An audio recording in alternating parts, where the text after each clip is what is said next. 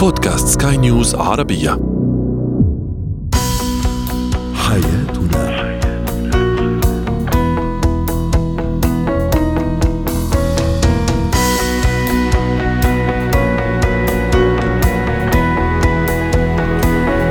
مستمعينا الكرام أهلا بكم معنا إلى حياتنا فضاؤكم اليومي الذي يعنى بشؤون الأسرة وباقي الشؤون الحياتية الأخرى والذي يمكنكم الاستماع اليه عبر منصة سكاي نيوز dot com slash podcast وباقي منصات سكاي نيوز العربية الأخرى. معي أنا امال شاب نتحدث اليوم عن الملل الزوجي أسبابه وكيف نتخطى هذا النوع من الملل الذي يداهم الحياة الزوجية. سنتحدث أيضا عن الحزن عند الطفل. لماذا يحزن الطفل وكيف نتعامل مع هذا الحزن؟ وأخيرا التجاهل الذكي. كيف ومتى نتجاهل بذكاء؟ هو وهي.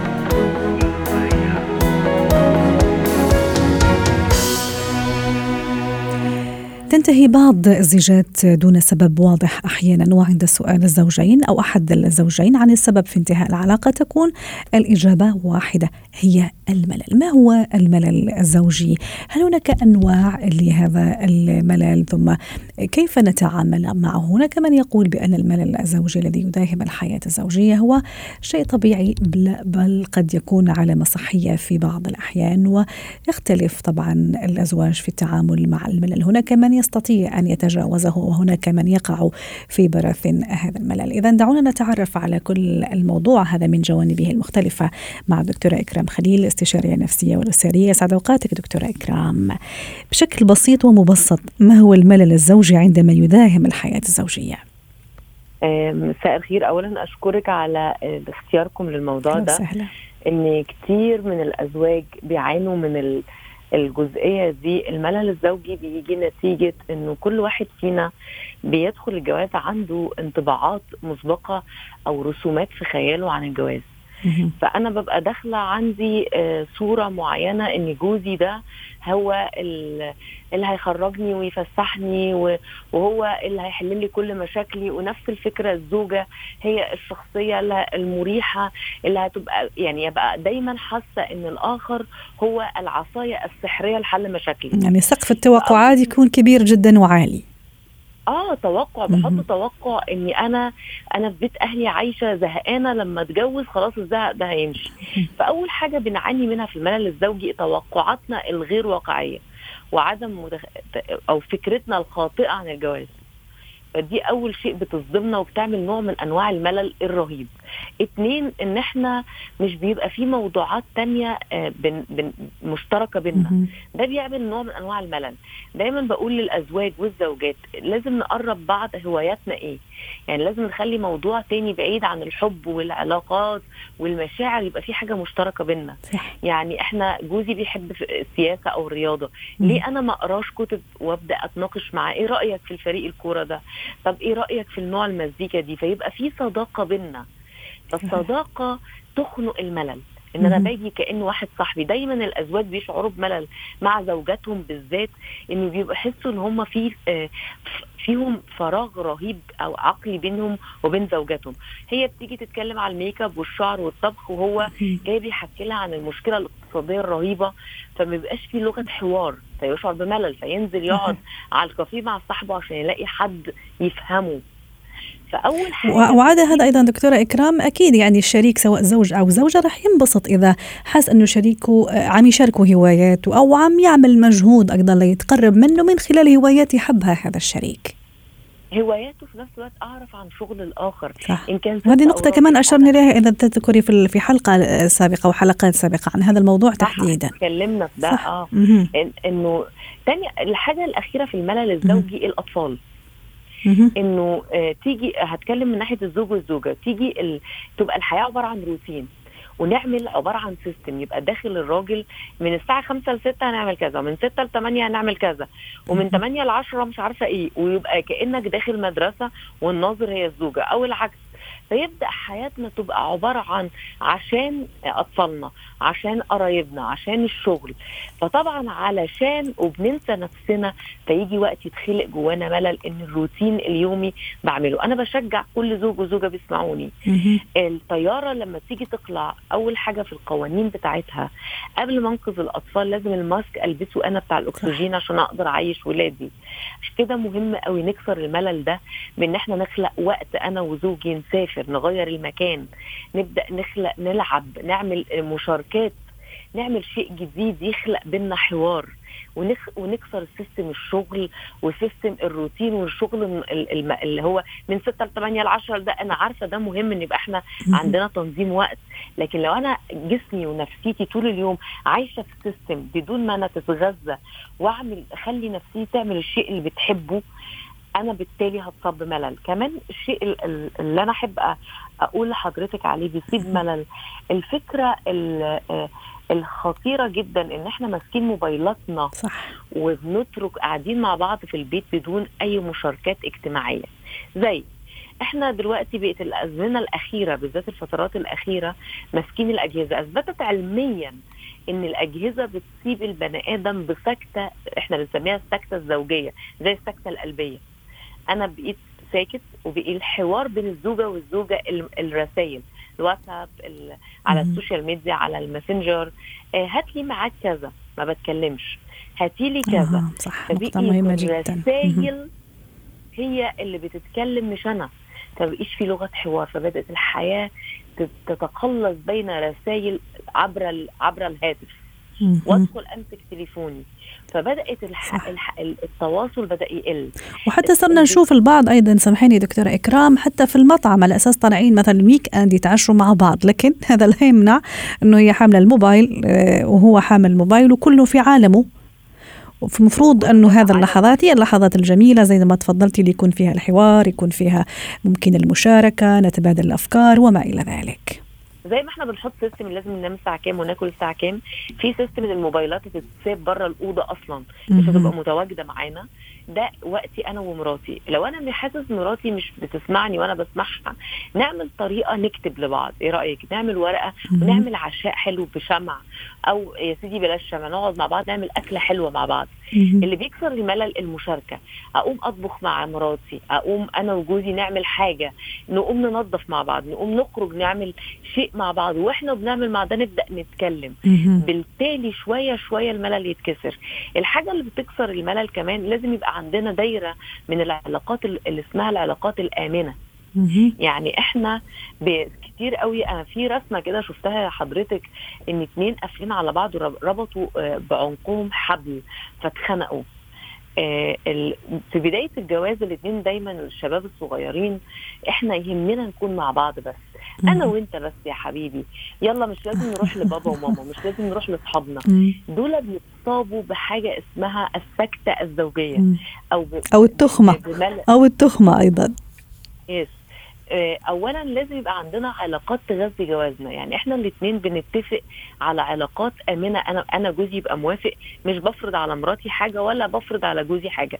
يبقى عندنا couples ناس تاني بنستمتع مع بعض نشوي مع بعض ناكل مع بعض.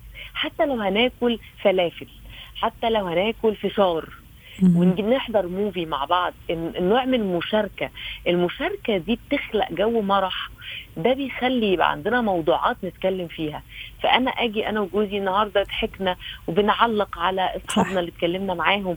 فبيخلق جو من الونس النفسي وال support في العلاقة وبيخلي العلاقة غنية أكتر ما وتديها ثراء. عشان ثراء العلاقات ربنا خلقها تدينا ثراء.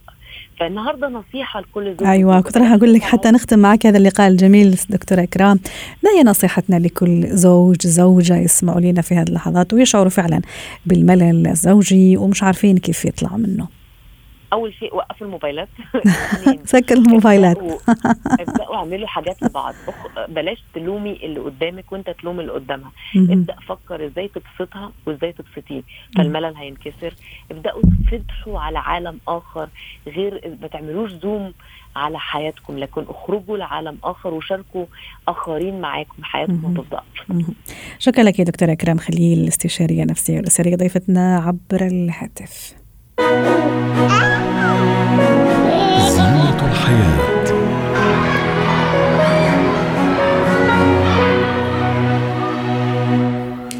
اليوم سنتحدث عن شعور قد يداهم الطفل وهو شعور الحزن لماذا يحزن الطفل؟ ما هي الأسباب التي تجعل طفلي يحزن وكيف أتعامل مع هذا هذا الشعور الذي ينتاب الطفل؟ للحديث عن هذا الموضوع ينضم إلينا عبر الهاتف من عمان دكتور موسى البطارنه الاستشاري النفسي والتربوي يسعد أوقاتك دكتور موسى. دائما يا, يا هلا وسهلا. دكتور موسى دائما الطفل إحنا بالنسبة لنا يعني مرادف للمرح والفرح والنطنطة والمدري إيش والحيوية و و و. وما يخطر على البال يعني بعض الناس إنه لا حتى الطفل يحزن يمر بلحظات حزن يمر بلحظات انطواء إذا بدك. نفسيا أو سيكولوجيا لماذا يحزن الطفل؟ أول صباح الخير لكل المستمعين الطفل إنسان حساس جدا وكما هو يلهو ويلعب ويضحك ببراءة أيضا يحزن ويكون له رده فعل. بنفس الصورة. الطفل آه، يتأثر جدا بما حوله وإذا حس بعدم الأمان الطفل دائما احساسه بالامان هو اللي بيعطيه السعادة. لما يفقد يحس بأنه راح يفقد هذا الأمان بيبدأ بالحزن، الحزن يبدأ اولا آه، من آه، إذا فقد حدا من الأسرة. يعني إذا كان في طلاق مثلا أو في نزاع أسري أو في آه، حالة من الغضب داخل الأسرة يعني العنف. آه، الطفل لحظتها بحس بهذا الأمان ويبدا عليه الحزن. والحزن ممكن يتطور ويصير عنده اكتئاب الطفل ممكن يحزن عندما يحس بأنه آه، بالمدرسة مثلا أو بالبيئة المجتمعية بحس إنه هو غير قادر على الدفاع عن نفسه أو هو مو مكان اهتمام أو هو منبوذ أو آه إذا بالأسرة نفسها آه الطفل آه كان مكان اهتمام وفوكس عليه وبعدين فجأة تحول إلى حدا ثاني واصبح هو على الجانب الآخر. كل هذه الأشياء بتسبب عنده حالة من الحزن. جميل. دكتور موسى هذا الحزن كيف يترجمه الطفل؟ هل يترجمه مثلا انطوائية آه، عدوانية آه، يعني تراجع مثلا في في المدرسة؟ زي ما تفضلت وأشرت قبل قليل موضوع المدرسة. ولا يختلف من شخص أو من طفل لآخر حسب شخصيته وتكوينه أيضا؟ هو أكيد بيختلف ردات الفعل من أو تاثير الحزن أو مظاهر الحزن من شخص لآخر. ولا خليني أسأل بشكل آخر. أنا كأم معلش سامحني قطعت كلامك. أنا كأم أو أب كيف أعرف إنه طفلي حزين؟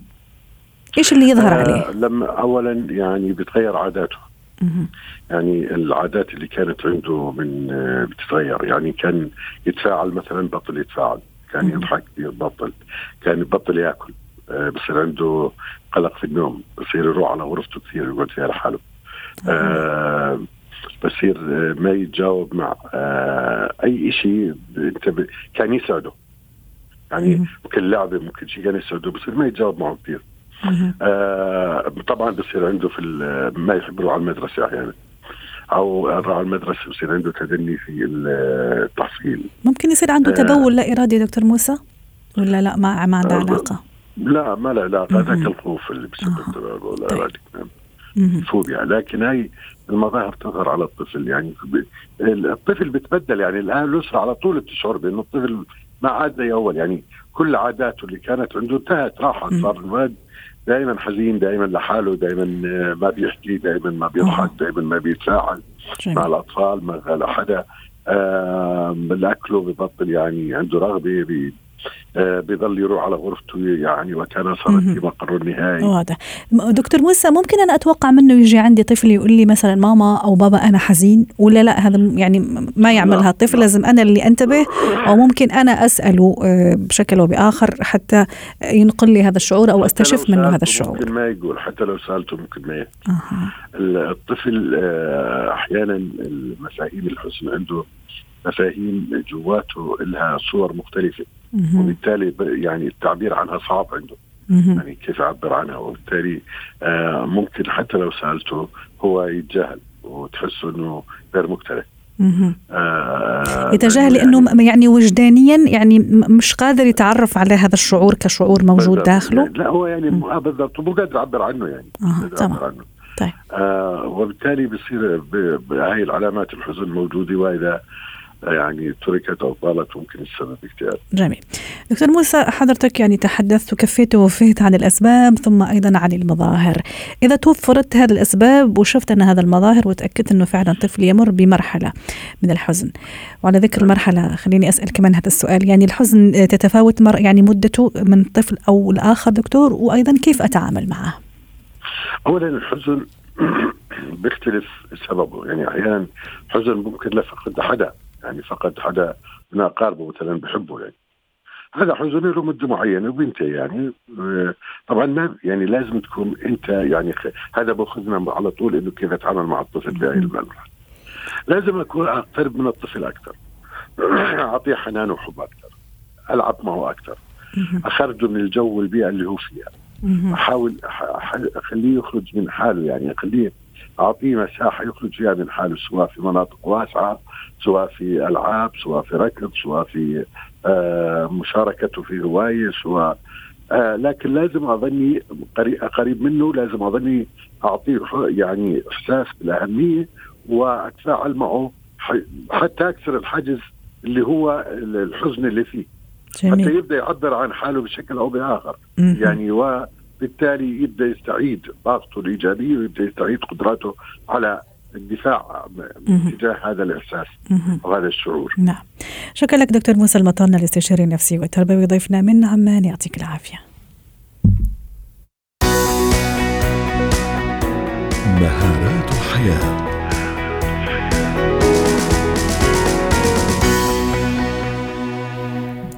اليوم في المهارات سنتحدث عن مهارة التجاهل الذكي. ما هو هذا التجاهل الذكي؟ هل هو مهم؟ متى وكيف نستخدمه أو نستعمله؟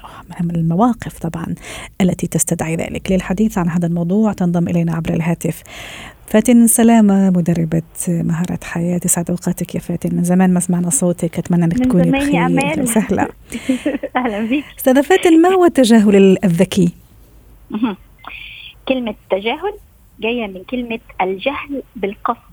يعني أنا هتعمد إن أنا أتجاهل هذا الشيء أو إن أنا الشيء ده أشيله من راسي. زي ما إحنا بنقول بالعامية كده إن أنا أطنش. إن أنا أقدر إن الفعل اللي أنا هعمله ده هو طريقي لسلامي النفسي أو طريقي للسعادة. فده معنى كلمة تجاهل أو تجاهل بذكاء.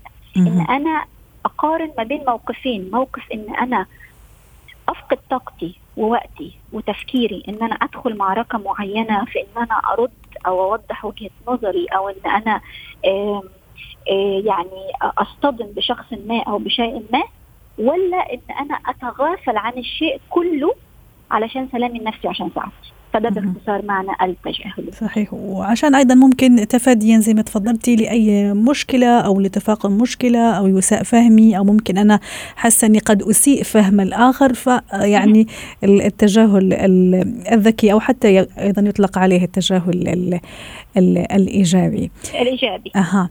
في بعض الناس ما عندهم هذه المهارة يعني ما يقدر يعني لازم يرد ولازم يعني يسجل يسجل هدف زي ما بيقولوا وممكن يعني يزيد الطين بلة. كيف أنا أتعلم هذا هذا هذا هذا التجاهل؟ وهل هو فعلا دائما إيجابي ومفيد في المواقف التي تستدعي ذلك؟ طيب.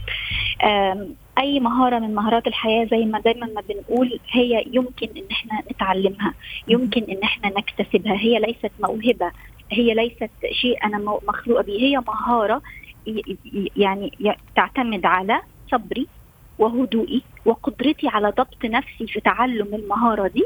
وقيمة المهارة دي قد إيه هتزيد ليا أو هتزيد لقيمتي أنا كإنسان؟ وقد إيه هتضيف ليا في حياتي؟ قد إيه هي هتخليني أتخلص من شيء معين؟ جميل. فالناس اللي ما عندهاش مهارة التجاهل لابد من إنها تتحلى بصفة الصبر والهدوء وإنها تضبط أو تكون قادرة على ضبط نفسها. ولكن فوق كل ده لازم نعرف إن التجاهل هو مهارة مهمة جدا لينا في وقتنا الحالي خصوصا مع إن كل من هب ودب حاليا بقى يدلي بدلوه ويقول لنا رأيه سواء رأيه ده كان بناء ولا غير بناء. ففي حالة إن أنا بتعرض في في ثلاث حاجات بقول إن إحنا لازم في حالة الثلاث حاجات دي لازم أتجاهل اللي بيحصل قدامي. في حالة إن الشخص اللي قدامي بيديني نقد غير بناء. هذا النقد هو يعبر عن رأيه هو ولا يعبر عني. أو يمكن حب من خلاله يحرجني أو ممكن أو يهدمني. أو ان هو يحطني في موقف سيء فبالتالي تجاهلي عنه والتجاهل الإيجابي. يعني إيه تجاهل إيجابي يا امال يعني أنا فعلا بتجاهله خارجيا وداخليا. يعني مش إن أنا مثلا هتجاهل امال إن أنا مش هسمعها وأنا من جوه بغلي لا أنا لما نقطة رائعة جدا فاتن. والتداخل عفوا التجاهل هذا ينبع من الداخل ثم يطلع لبرا. طبعا لأن أنا لو ما تجاهلتوش داخليا هأثر على مناعتي النفسية. وأنا مناعتي النفسية أهم جدا. إحنا بنقول إن إحنا التجاهل هو طريقي للسلام النفسي فبالتالي لازم أحافظ على مناعتي النفسية. فبالتالي عشان أنا النقد الغير بناء ده أتجنبه لازم أحط في بالي إن أنا رأيه يعبر عنه ولا يعبر عني. لازم دايما أجاوب على سؤال. في علاقة صداقة بيني أنا فاتن وأمال؟ لو في علاقة صداقة بيني وبينك وانت قلتي لي نقد غير بناء النقد كان أو قلتيه بطريقة الخطأ. عندك من رصيدك لدي أنا رصيد لأمال ما يكفيني إن أنا أتجاهل اللي أمال قالته. قد تكون قالته مش ما تقصدش. قد تكون قالته آه، يعني سهوا. فبالتالي هسأل نفسي سؤال في أي علاقة علاقة زمالة علاقة صداقة علاقة زواج أي علاقة.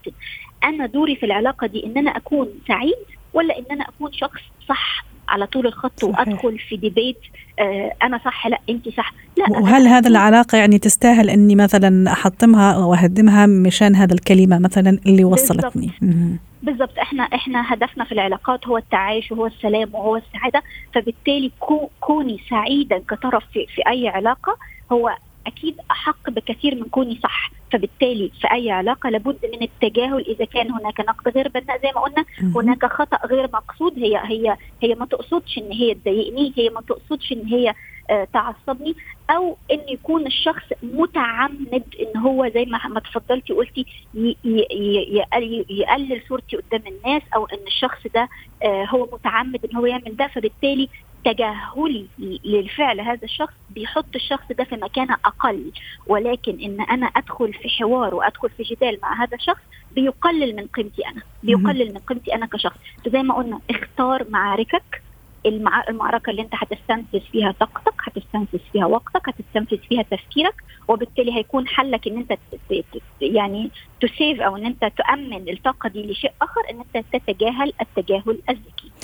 استاذة فاتن هذا التجاهل يعني يصلح في كذا موقف وأيضا في كذا مكان. أنا أقصد مثلا ممكن آه، الواحد يتعامل به في بيئات مثلا خلينا نقول العمل مع الزملاء مع الأصدقاء. هل نفس الشيء ينطبق مثلا على الناس المقربين جدا على الأهل على الزوج على الزوجة الأولاد أيضا؟ هل أحيانا هذا التجاهل يأتي أكله فعلا لازم أنا أتصرف به أو أطبقه في حال ما إذا تعرضت لأي موقف زي ما قلت من شخص قريب جدا يعني؟ طيب إذا إذا أنا الشخص أو الموقف اللي بيكون أكيد في شخص زي زوج زي زي بنتي مثلا زي ابني آه بيكون في مش هينفع إن أنا أتجاهل الموضوع بصورة كبيرة. إن أنا تماما إن الموضوع يكون بالنسبة لي وكأن شيئا لم يكن أكيد ده مش هيحصل. ولكن في في خطوات بنقول إن انت بدل ما تدخلي أمال في جدال مع فاتن اللي هي عايشة معاكي في البيت أو إن أنتوا أصدقاء أو ما إلى ذلك ردي باختصار. فاتن قالت كذا على طول اتجهي إلى الإجابات القصيرة.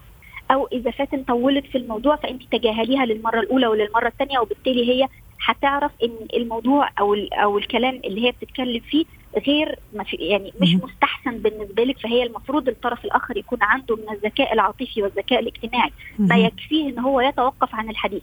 طب ماذا إذا لو أنا كفاتن أو أمال بنتعامل مع أشخاص لا تتمتع بذكاء عاطفي ولا تتمتع بذكاء بذكاء اجتماعي؟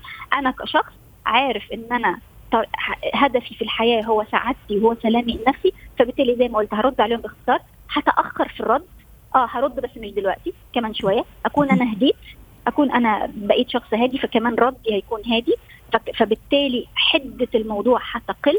أتفادى الجدال على قد ما أقدر. ما نخشش في آه ولا حتى لسه لسه النهارده محاضرة بنقول فيها إيه الفرق ما بين الجدال والنقاش. الجدال اللي هو أنا وامال عايزين نعرف مين فينا صح ومين الغلط ولكن عاده ما يكون عقيم يعني. بالظبط لكن النقاش إحنا عايزين نعرف وات يعني إيه أحسن حل للكلام اللي إحنا بنتكلم فيه. فدايما. التجاهل بيكون تفادي للجدال لأن الجدال بيكون فيه مين الصح ومين الغلط. لا دعنا نتناقش دعونا نتناقش ونتحاور ولا نتجادل. إذا دخلنا في جدال فلا بد من أن نتجاهل التجاهل الذكي اللي بيؤدي إلى سلامنا النفسي وسعادتنا. فاتن حتى نختم أيضا. التجاهل الذكي هل يكون أحيانا مرفوق مثلا بالبادي لانجوج لغة جسد مثلا يعملها الشخص ولا بكلام مقتضب زي ما تفضلتي بكلمة أو اثنين كيف يكون؟ حتى نختم في في دقيقة. في دقيقة واحدة. لو إحنا لو إحنا تجاهلنا الشخص اللي هو face to face اللي إحنا قاعدين في المكتب وأنا مضطر إن أنا أتجاهل هذا الشخص لغة جسدي لابد أن تعبر عن تجاهلي ليه. يعني مثلا مش هينفع أتجاهلك وأنا ببتسم. فأنا أنا ما هبتسم يعني أنا بقول لك في باب للحوار ما بيني وما بينك. مش هينفع أتجاهلك مثلا وأنا بستفزك إن أنا واقفة إن أنا مربعة إيدي. لا هيبقى الموضوع أنا بكون شخص آه، مسيطر على نفسي مسيطر على انفعالاتي زي ما قلنا لازم القدرة على ضبط النفس وبالتالي لغة جسدي لازم توضح وتبين للشخص اللي قدامي إن أنت ما تقوله لا يلاقي استحساني ولا يلاقي آه يعني قبولي. وبالتالي بقدر أوقف الناس عند حدها. لأن أساس عدم قدرتي على التجاهل هو حاجة اسمها ابروفال ادكشن إن أنا بكون عندي إدمان لأن الناس كلها لازم تتقبلني إن الناس كلها لازم آه، آه، تحبني. لأ مش لازم الناس كلها تحبني مش لازم الناس كلها تتقبلني. إذا شخص ما بيؤثر على سلامي وعلى سعادتي فلازم أتجاهله ولا أخاف من خروجه من دائرة حياتي. شكرا لك فاتن سلامة مدربه الحياة. ساعتين اليوم بهذه المشاركات. يعطيك العافيه حياتنا